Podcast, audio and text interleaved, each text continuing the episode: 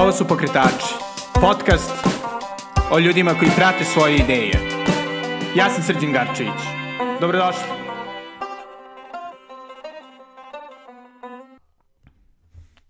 Ćao i dobrodošli u Pokretače. Današnji gost je jedan od najuspešnijih mladih fotografa u Srbiji, Nemanja Knežević. Meni je ovo izrazito drago zato što su Nemanjine fotografije dosta uticale na to kako posmatram, ali i amaterski fotkam Beograd, tako da mi je zaista bilo zadovoljstvo da pričamo o njegovom profesionalnom razvoju, o kolektivu Belgrade Draw, kao i o vrednosti čitanja tekstova o filozofiji fotografije. Posle smo se dotakli i druge Nemanjine pasije, što je planinarenje, pa smo malkice i maštali o mestima koje želimo da posetimo kada se sve ovo završi. Međutim, pre nego što čujete Nemanju, moram da se zahvalim svojim mecenama sa Patreona, koji čak i u ovim teškim vremenima su odlučili da podrže ovaj podcast, imaju blog The Natural Times i da osiguraju njihov opstanak. Naravno, posebno želim da se zahvalim e, Maretu Brkiću, koji je ovoga meseca odlučio da postane mecena. Mare, hvala puno. I naravno, ukoliko neki od vas žele da to urede, mogu da odu na moju stranicu na Patreonu, koja je na adresi patreon.com, kosacrta Belgrade. A sada, bez duženja, ovo je sjajni Nemanja Knežević. Ja već duže vremena pratim tvoj rad koji je zaista fascinantan, vrlo raznolik, ovaj, od portreta do divnih ovaj, pejzaža. I, I baš mi interesuje ovaj, kako, si, kako si došao do ovoga nivoa um, u, u svom bavljenju fotografijom? E, hvala i hvala na pozivu e, da učestvujem u podcastu. E, što se tiče fotografije, to je nekako kod mene teklo uh, u, u, u, iz više faza. Počelo je kao hobi i nisam imao predstavu da ću time da se bavim, uh, da će to biti moj poziv, da ću od toga zarađivati i živeti. Uh, ali je otišlo u tom smeru uh, zato što sam shvatio da uh, želim najviše svog vremena da posvetim uh, upravo tome i naravno zbog nekih prilika koje sam dobio, pre svega e, poslovnih i da nije bilo tih prilika verovatno ne bih ili bih mnogo kasnije e, shvatio e, da želim da se bavim fotografijom. E, tako da, e, ukratko, krenula kao hobi, e, sve više i više vremena sam provodio na ulici, e, malo ignorisao druge obaveze u životu i e, dobio priliku da volontiram, a zatim i radim u dnevnim novinama pre jedno 12-13 godina e, i nakon toga sam radio nekoliko godina kao stalno zaposleni fotograf u novinama i magazinima, a onda sam rešio da budem freelancer e, i to danas sam to. E, ono što je možda bitno spomenuti, to jest meni bitno, jeste da sam i pre tog rada u novinama e, radio u magazinu Student. E, to je možda, nisam siguran, ali verovatno bila poslednja redakcija e, čuvenog magazina Student, e, koji je tada još uvek izlazio kao e, štampani medij. I e, to je nešto što mi je e, najviše pomoglo da shvatim da e, želim da se bavim na neki način novinarskim poslom. E, kao fotograf, a e, nadalje i usmerilo me ka, ka nekim drugim stvarima koje se ne tiču samo fotografije, već e, nekih e, drugih interesovanja, a koja se onda nakon e, svega toga reflektuju i na, i na moj rad. Šta bi rekao da je ta, da kažem, prekretnica kada čovek od, da kažem, hobi fotografa postane stvarni fotograf? Ili makar šta je bilo u tvom slučaju? Postoji nekoliko uh, bitnih tačaka, prelomnih tačaka, ali kad si mlad, uvek uh, si sumnjičav prema tome da li nešto može da bude tvoj poziv i ne veruješ da će to jednog dana uh, i postati, posebno ako, ako voliš to što radiš. Tako da je taj kao materijalni faktor, to je da zarađuješ od nečega što radiš, jedna tačka dokazivanja da to nešto uh, može da, da bude tvoj posao, a druga je e, nivo, tvoj nivo i kako ti onako iskreno i samokritično uh, gledaš na, na, na to na kom si trenutno nivou. Naravno, u prvim godinama ti nemaš ni pojma da li je to dobro, nije dobro, koliko je dobro. E, stalno gledaš negde, e, stalno gledaš mnogo bolje od sebe, e, ugledaš se na druge i to je super. Mene je to i vuklo napred, jer sam ugledajući se na te neke, neću da ih nazovem idolima, ali svakako e, neke ljude e, čiji rad poštujem i vuklo napred. Tako da to je taj drugi nivo e, samodokazivanja i onda, onda već ulaziš u neku zonu gde, gde ti nije jasno gde si, da li je to postalo tvoj posao, nije, e, koliko si dobar. E, kod mene to je išlo tako da su se stvari jednostavno kotrljale i da e, što je bilo i super jer nisam stigao mnogo da razmišljam i da se osvrćem, već sam stalno radio. E, kad to kažem, mislim i na poslove, mislim i na e, neki e, lični razvoj koji se ne tiče samo fotografije, e, ali takođe mislim i na e, fotokolektiv Belgrade Raw, čiji sam deo od samog početka. Mm, da, da i ovaj, naravno, Belgrade Raw je jedan od da kažem, zapaženijih kolektiva na, na našoj sceni i čisto mi interesuje kako bi opisao ostatak scene u, u Srbiji? Pa scene... Pogotovo obzirom na razne probleme. Da, Mislim, što se tiče finansiranja. Sam... Tako je, tako je, da. E, ti problemi su uvek prisutni i mislim da će uvek biti prisutni. E, što se tiče nas kao kolektiva e, i mene, nekako smo e, nismo toliko bili usmereni na, e, da kažem, institucionalizaciju, mada jesmo prisutni u tim okvirima, aplicirali smo na razne fondove i ministarstva i, i neke druge i na kraju krajeva i dobijali e, određene sume tamo, e, ali e, ni, ni, nikad nam se nije činilo da od toga zavisi naš rad i naše stvaralaštvo, već smo se trudili da ono što inače radimo, svako od nas pojedinačno, e, zajedno udružimo i da, da mu damo neku, neku novu, e, neki novi smer kroz kolektiv. Tako da, mene uvek malo e, ne nervira, ali malo mi smeta kada čujem da se ljudi žale kako eto nešto nisu mogli da urade zato što nemaju sredstva. Naravno da je to istina i naravno da je to veliki problem, ali na kraju krajeva ako imaš neku ideju i želiš da stvaraš e, i ako to radiš u kontinuitetu, tvoj rad će pre ili kasnije biti, e, biti vidljiv. Posebno danas. Mi smo nastali pre 11 godina, kada ulična fotografija nije bila sve prisutna na Instagramu i na, i na svim storijima koje otvoriš.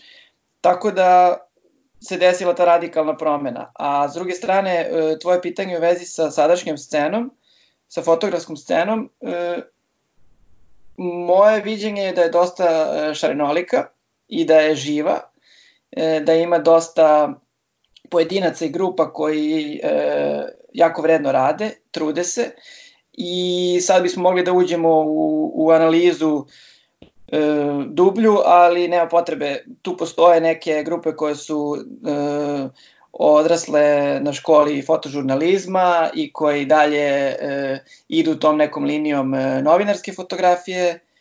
E, postoje neke, s druge strane, potpuno umetničke grupe, postoje pojedinci koji dobro e, dobro ubacuju fotografiju u, u savremenu umetnost, tako da ima tu, e, ima tu dosta materijala i to je ono što je dobro. Mislim da e, da je mnogo bolje nego što je bilo nekada i e, siguran sam da je dosta ljudi koji nisu ranije imali volje, energije, hrabrosti da e, objavljuju svoje radove. Čini mi se da, da se to u zadnjih 5-6 godina sve više događa. Dobro, i sam si spomenuo ovaj promenu koju je Instagram i, i možda smartfonovi uopšte ovaj, doneli u fotografiji, koliko je, koliko je to promenilo e, to kako je, kako je biti fotograf, pošto jeli svako od nas može da ono, nešto fotka, još plus ono, dosta foto editing materijala je tu, pa kao može da izgleda malo bolje, ovaj, i tako da deluje da je zapravo dosta veća ponuda fotografije u suštini, sada svuda dok ranije ipak je nekako to bilo ređe, mislim. Jeste, da, izloženost e, tim, e, da ih nazovemo svakodnevnim slikama, je svakako milionima puta veća i mislim da to ima e, svojih dobrih i svojih loših strana. E, postoji ta polemika da li je to uticalo na fotografsku profesiju i uopšte na poslove. Ja mislim da je to e, generalno gledano dobra stvar i da to gura e, sve nas napred i da se lično razvijamo, a i da e, naučimo e, kako drugi ljudi gledaju i kako drugi ljudi ne samo gledaju, nego i doživljavaju svet oko sebe. I, e, a loša stvar je ta e, preopterećenost slikama i to što e, slike postaju, da, da, da, da tako kažem, to neko vizualno e, smeće, možda je gruba reč, ali e, uvek kad ima previše nečega, e, to znači da ima i, i, i dosta distrakcija i da to može negativno da utiče. Sad je e, svakako pitanje kako sebe distancirati od toga, kako filtrirati sadržaj i da li to filtriranje e, ima smisla ili nema. Mislim da smo još uvek na nekom nepoznatom terenu e, i da će e, fotografska teorija i teoretičari tek da se bave e, ozbiljno time u narednim, e, u narednim godinama. Da, jel postoji neka ovaj, početnička greška koja ti kao nekako posebno pare oči kada vidiš na svom feedu ili ovaj, bilo gde? Početnička greška kod uh, drugih fotografa ili nekih, ili generalno ljudi koji pa, vole. Da, ljudi koji kače, da kažem, malkice ambicioznije ovaj, pa, fotografije. Pa mislim da to sam uh, uočio i kod sebe, ali tek sa ove distance, a to je da uh, kada kreneš da se baviš ozbiljno fotografijom, mislim ozbiljno, to nije još uvek ozbiljno, ali kada kreneš onako um, posvećeno da se, uh, da se baviš uh, fotografisanjem e, svakako želiš da pokažeš to što pre, što većem broju ljudi i da je najveća greška e, zapravo u toj neartikulaciji sadržaja. Ali, s druge strane, mislim da ta greška koliko može da smeta on, onima koji gledaju, toliko može da pomogne onima koji stvaraju, zato što e, se brže prolazi kroz razne faze i brže se uočavaju greške i samim tim to vodi ka boljem sadržaju u budućnosti.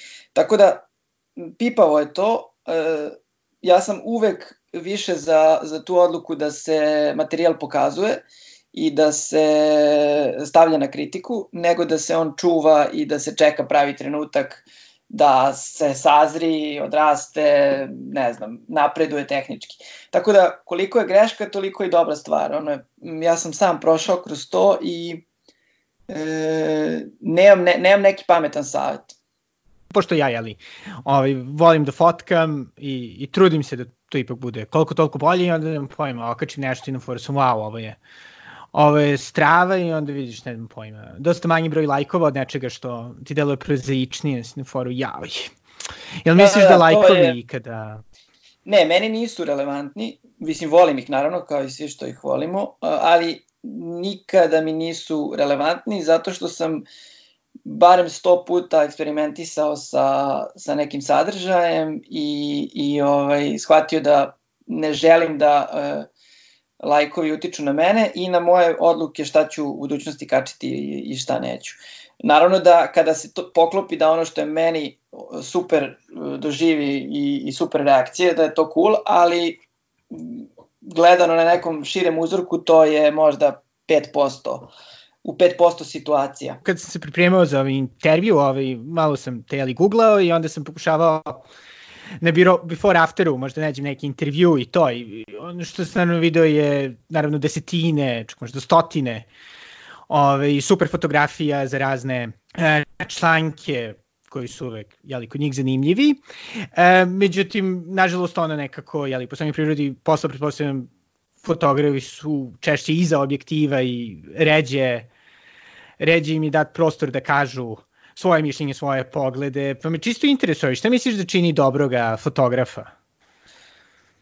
To je teško pitanje e, i mislim da svako mora da pronađe e, neke svoje trigere, ali ono, ono što je meni važno i ono što volim da vidim kod drugih ljudi koji stvaraju e, ne samo slike, nego e, i, i drugi sadržaj je, e, je radoznalost i želja da se upoznaju stvari koje su izvan e, njihovog spektra delovanja i e, siguran sam sad već mogu da kažem da upravo ta radoznalost i istraživanje se reflektuje na, na sve ono što o, autori stvaraju.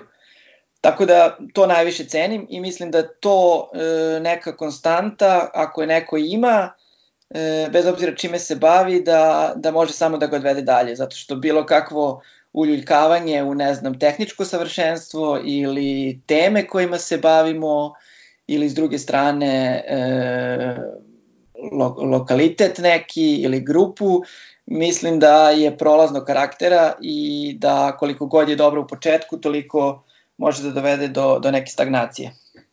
Da, postoji nešto što sada tebe posebno intrigira? E, u smislu tema? Da, ili nemam pojma, tehničkog usavršavanja ili čega god. Nešto čime želim. Pa imam nekoliko, naravno uvek su tu stvari na čekanju koje se koje traže vreme. Evo sada je trenutak kada vremena imamo. Pa mi je ovaj trenutak dobro došao da stavi na papir, a, samim tim i u, i u svoju glavu koje su to stvari na čekanju bile i šta, čemu, čemu želim da se posvetim kad konačno budemo imali vremena. Tako da, eto, ne znam, možda se tiče e, tehničkog aspekta, svakako da više želim da koristim srednji format, mislim to verovatno ljudima nije bitno, ali e, meni je uzbudljivo zato što e, mi ta kamera stoji dugo i koristio sam je, ali ne dovoljno i to mi je neka, neka inspiracija za dalje. A što se tiče tema, svakako da e, kako privatno, a tako i, i fotografski više vremena želim da provodim u prirodi i da upravo tamo leže neke teme kojima ću se baviti. Dotaći ćemo se i toga malo kasnije, ali če bi rekao da je najbolji deo toga posla? A, pa da, e, malo pre kada si pomenuo before after i to da sam e, fotografisao dosta članaka, intervjua i raznih drugih stvari, e, da, ubedljivo najbolji deo mog posla je to što često imam priliku da radim sa nekim zanimljivim, drugačijim ljudima koje verovatno nikada ne bih upoznao da se ne bavim fotografijom i da budem na nekim mestima na kojima nisam mislio da ću biti. Tako se često nađem u e, na nekim intervjuima, e, reportažama, e, ne znam, drugačijim vrsti, dru, drugačije vrsti e, fotografisanja i zato što sam prisutan tu, čujem i naučim stvarno gomilu neverovatnih, neverovatnih stvari i beskreno sam zahvalan na, na tome. E, mislim, naravno da tu ima i jako dosadnih i ne, nezanimljivih e, momenta, ali procentualno gledano e, više, više ovih prvih. Tako da taj deo posla je najbolji i to je ono što će se svakako dešavati u budućnosti i, i to mi je uzbudljivo, zato što ja nemam kancelariju u koju idem, nemam ljude sa kojima radim, i uvek je to, uvek je to neka nova lokacija, neki novi ljudi, e, novinari, autori, e, ljudi najrazličitijih e, struka i e, koliko god bilo naporno, e, to je neverovatan osjećaj. Sada ovaj naravno, što bi, što bi rekao da je najgori deo posla? Pa najgori deo posla, e, mislim svakako da, da bi kad postoje najbolji mora postojati najgori i da ovaj moramo da ga izdržimo i ja ne želim da bežim od toga, ali najgori deo posla bi možda e, bila ta komunikacija na koju često ode previše vremena i koliko god je ona bitna i ja insistiram uvijek na njoj i na nekom dobrom briefu i pripremi, ovaj, često zna da pojede dosta vremena i da bude nekonstruktivna, a e, S druge strane, to je zapravo ista strana, ali drugi aspekt, to je taj birokratski deo. E, kad si freelancer u Srbiji, onda o, moraš da se baviš nekim stvarima i to je u redu i ja razumem potrebu, ali e, najmanje mi prija to. bi to moglo da se ovaj, preskoči da čovjek pa ne, ima ne, vremena ja, za... Da, ja, meni, je, meni je cool to zato što sam naučio mnogo toga, što nisam znao, nisam ni, ni znao da postoji. Tako da nekako sam zahvalan i na tome, jer dodirnuo sam nešto što sam mislio da nikad neću raditi. I ok, je to zato što daje neki osjećaj da je to tvoje, da se ti time baviš, ali kada bih mogao da izaberem jedan deo, eto, to bi bio taj. Znači, nije mi, nije mi potpuno uh, kao uh, bez veze, samo mi je eto kao najmanje zanimljivo od svega što radim. Sada ovaj, da se jeli, vratimo eh, ovome što si malo prepomenuo o tome kako te sada priroda posebno vuče ovaj, po tvom Instagramu, ovaj, svakako se vidi da dosta ideš po, po Srbiji, a mislim i šire na planinarenje. Evo kada se nadam se ovo završi danas što pre, ovaj, gde bi savjetovao da, da slušalci odu? U Srbiji i na Balkanu, zašto ja nekako to doživljam kao jedan prostor i e, nemam, nemam osjećaj da sam otišao u drugu zemlju ovaj, kad odem negde e, u, e, na eksiju prostor. Tako da, ali evo, samo gled, u Srbiji ima puno, puno lokacija e, i, i vrlo atraktivnih e, lokacija, ne samo planina, već i nekih pešačkih tura i, i generalno prirodnih lepota. I upravo zbog prirode svog posla sam imao priliku da putujem dosta i da obiđem i, i neke maltene nepoznate lokacije. I, e, nisam ni ja znao šta sve postoji i onda sam godinama e, putujući po Srbiji zapisivao i evo, kada sam krenuo ozbiljnije da idem na planinu, rešio sam da posetim ponovo neke od tih mesta, ali ako pričamo o konkretnim lokacijama, e, tu su mi uvek Rtanj, Stara planina, kanjon reke Uvac, e, nešto što je jako blizu Beogradu, to je Fruška gora, koja je obično ljudima deluje kao nezanimljiva, niska planina, ali je u stvari vrlo zanimljiva, sa dobro markiranim stazama, sa dobrom infrastrukturom, sa, e, jako, sa dva jako dobra planinarska doma, e, tako da ona je na sat vremena od Beograda u najgorem slučaju i e, ona je, to je neka planina koju bi trebalo svi da posete. E, naravno da tu mm. postoji sada i ozbiljnijih e, tura, i ozbiljnijih planina i nekih, e, poput, na primjer, Golije, koja je potpuno turistički skrajnuta, što je super, zato što e, neko ko želi da vidi stvarno prirodu kako jeste, može tamo da ode. E, nešto što je blizu Beograda isto je jako fino i pristupačno čak i početnicima i ljudima koji nisu u, u ovaj vrhunskoj kondiciji to, e, to su divčibare. I eto, da ne idem dalje, mislim, možemo do sutra sad kad bih krenuo, ali to su neke moje preporuke. Jel postoji jedno mesto gde se da sutra ovaj, proglase, da se sve vraći u normalu, gde bi otišao? U Srbiji? Može u Srbiji, može bilo gde. Bilo gde. Pa da, e, ne znam, verovatno neko ostrvo na Jadranu. Aha, okay, da, malo. Bilo bi lepo malo, još videti sunce i, i mora. Da, da, ako bih morao da budem negde, to bi bilo neko ostrovo. Da li Jadran ili, ili ovaj, Grčka, ne, nešto od ta dva. Pa nadam se ovaj da ćemo uskoro i moći, ali do tada, ovaj, šta bi savjetovao slušalcima koji se lože na fotografiju, ovaj, pretpostavljam, malo ozbiljnije, kako bi mogli da iskoriste ovi, ovo vreme koje su sada dobili da, da postanu bolji? Definitivno imamo vremena sada da čitamo. Kad kažem da čitamo, mislim i da listamo fotografske knjige, ali e, i da vidimo i da prođemo kroz neke e, radionice i, i, i masterclass sesije na internetu. Vidim da ima dosta e, nekih besplatnih, naravno, e, koji su se pojavili. Tako da je to moja preporuka, ali ono što je meni pomoglo kad sam baš bio uh, apsolutni početnik je što sam uzeo na savet uh, starijih nekih uh, kolega uh, i čitao uh, malo o, o teoriji fotografije i uopšte slike. I uh, iako tada nisam razumeo ni 90% toga, uh, mislim da mi se nekako urezalo i da sam se tim e, delima vratio kasnije, pa i danas ponekad uzmem.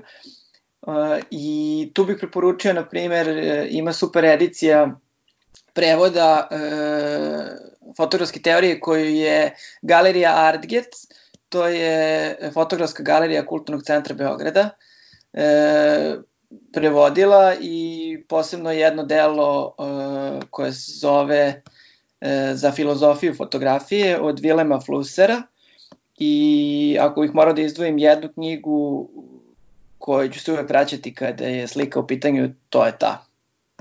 Aha, super, znači ovaj može, može malo da se ovaj, i pročita, nadam se.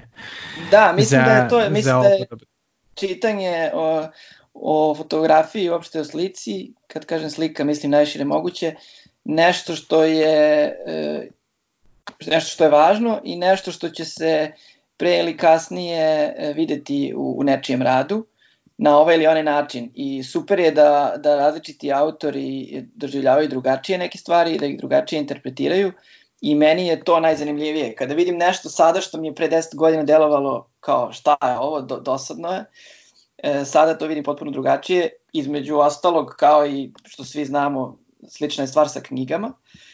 I, I to je super, zato što ne postoji, ne postoji nešto što, što je crno ili belo, stvari se menjaju i dok god se krećemo kroz njih i, i e, istražujemo i nama će biti lepše.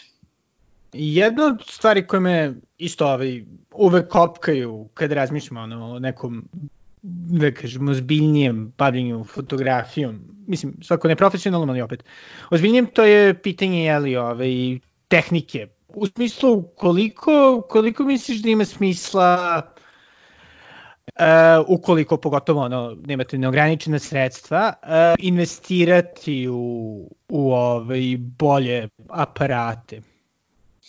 E, da, kao neko ko je e, krenuo da se bavi fotografijom sa prvim digitalnim aparatom, to je bio onaj neki od 2 megapiksela, e, i tek onda e, uzeo da istražuje analogni svet. E, mislim da sve do tog e, profesionalnog nivoa nema potrebe ulagati neka suluda sredstva. E, dobra stvar sa razvojem digitalnog sveta je ta što danas za nekoliko stotina evra možemo da kupimo sjajan aparat i da nam on bude dovoljan i za putovanja i za neke privatne, poluprofesionalne stvari i za blogove i za sve ostalo.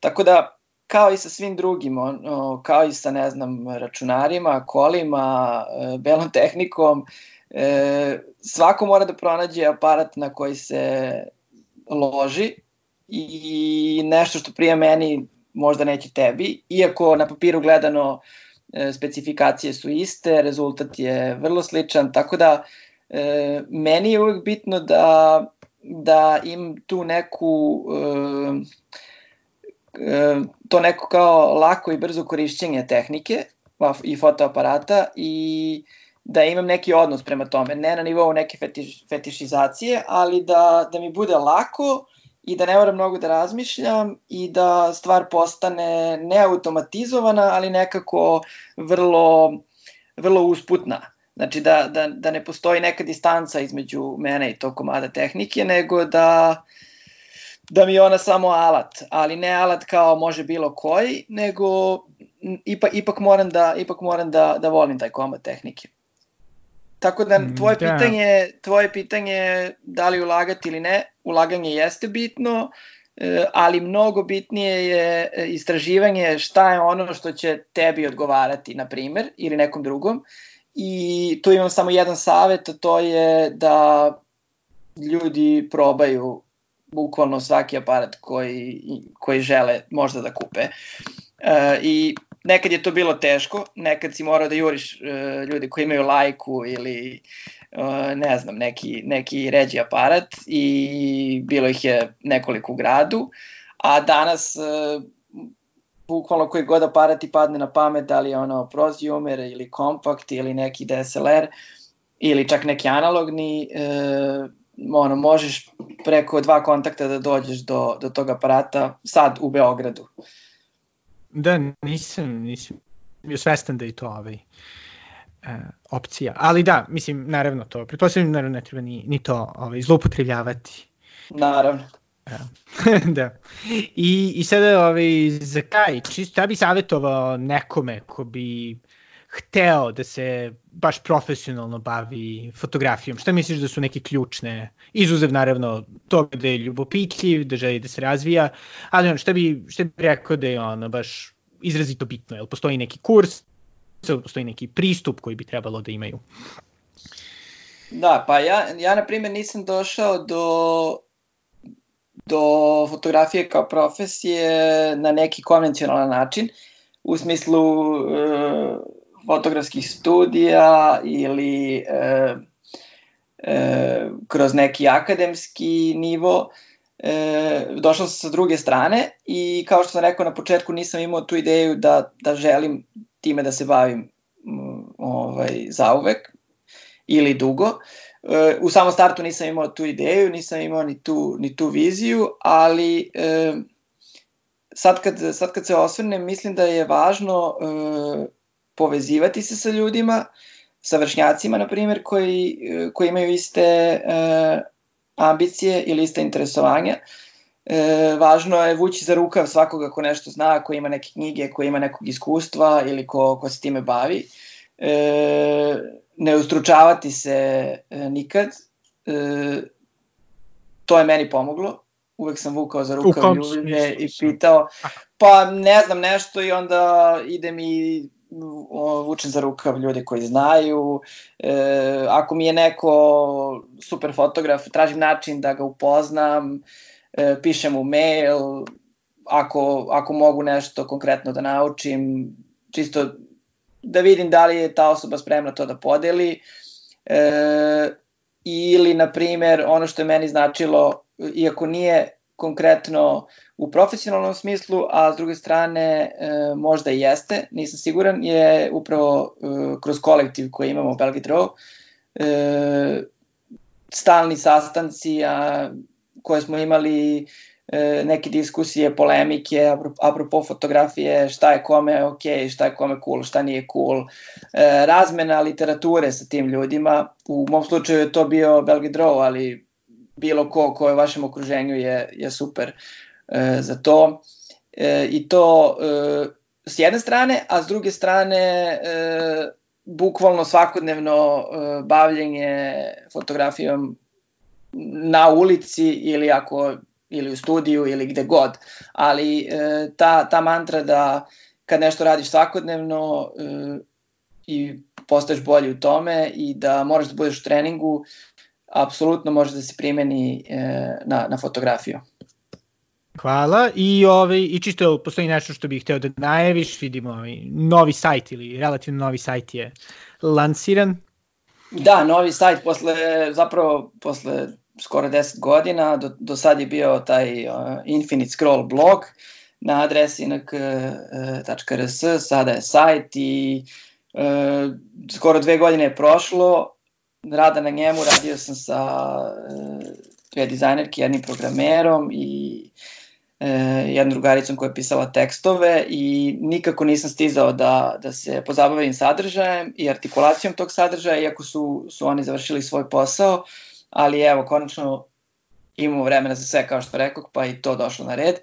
I e, drago mi je zbog toga, E, kao da mi je pao e, kamen sa srca što sam to završio, jer mi je stajalo uvek nekako na leđima. E, to je jedna stvar, taj sajt je sa, sada u nekoj e, osnovnoj fazi, im, imam još dosta projekata koje e, ću definitivno dok je ovako stanje okačiti. E, osim toga, e, ove godine kroz kolektiv Belg Draw imamo, imamo neke druge ideje i neke druge smerove. Takođe radimo na novom sajtu e, kolektiva koji je gotov i koji će, e, ne znam tačno kada, ali biti online i to jeste velika stvar za nas. E, prošle godine smo proslavili 10 godina rada, izdali smo knjigu koja je e, dokumentovala e, naš, naše radionice i rad sa, sa ljudima u celoj Srbiji u prethodne četiri godine i to je nešto što još uvek imamo, što se može nabaviti, a e, lično voleo bih da se posvetim nekim, nekim svojim projektima i koji bi trajali e, neko vreme, ne bi bili kratkoročni, ali e, sve to na čekanju i verujem da ako ima nešto dobro u svemu ovome, to je što ćemo svi e, ili bare većina nas e, ko, koji imamo neke ideje sa strane e, goriti od želje da ih realizujemo kada konačno budemo slobodni. I to je bio Nemanja Knežević. Hvala puno svima koji ste slušali, a pogotovo vama koji ste odlučili da donirate novac preko Patreona ili Paypala. Drago mi je da se pokretači čuju još više u ovim čudnim vremenima i to ovaj, od Šipova do Sjetla i od Vrčina do Wellingtona. I nadam se da vam pokretači daju ideje za nove izazove kada se svet vrati malkice u normalu. Do sledećeg slušanja, doviđenja.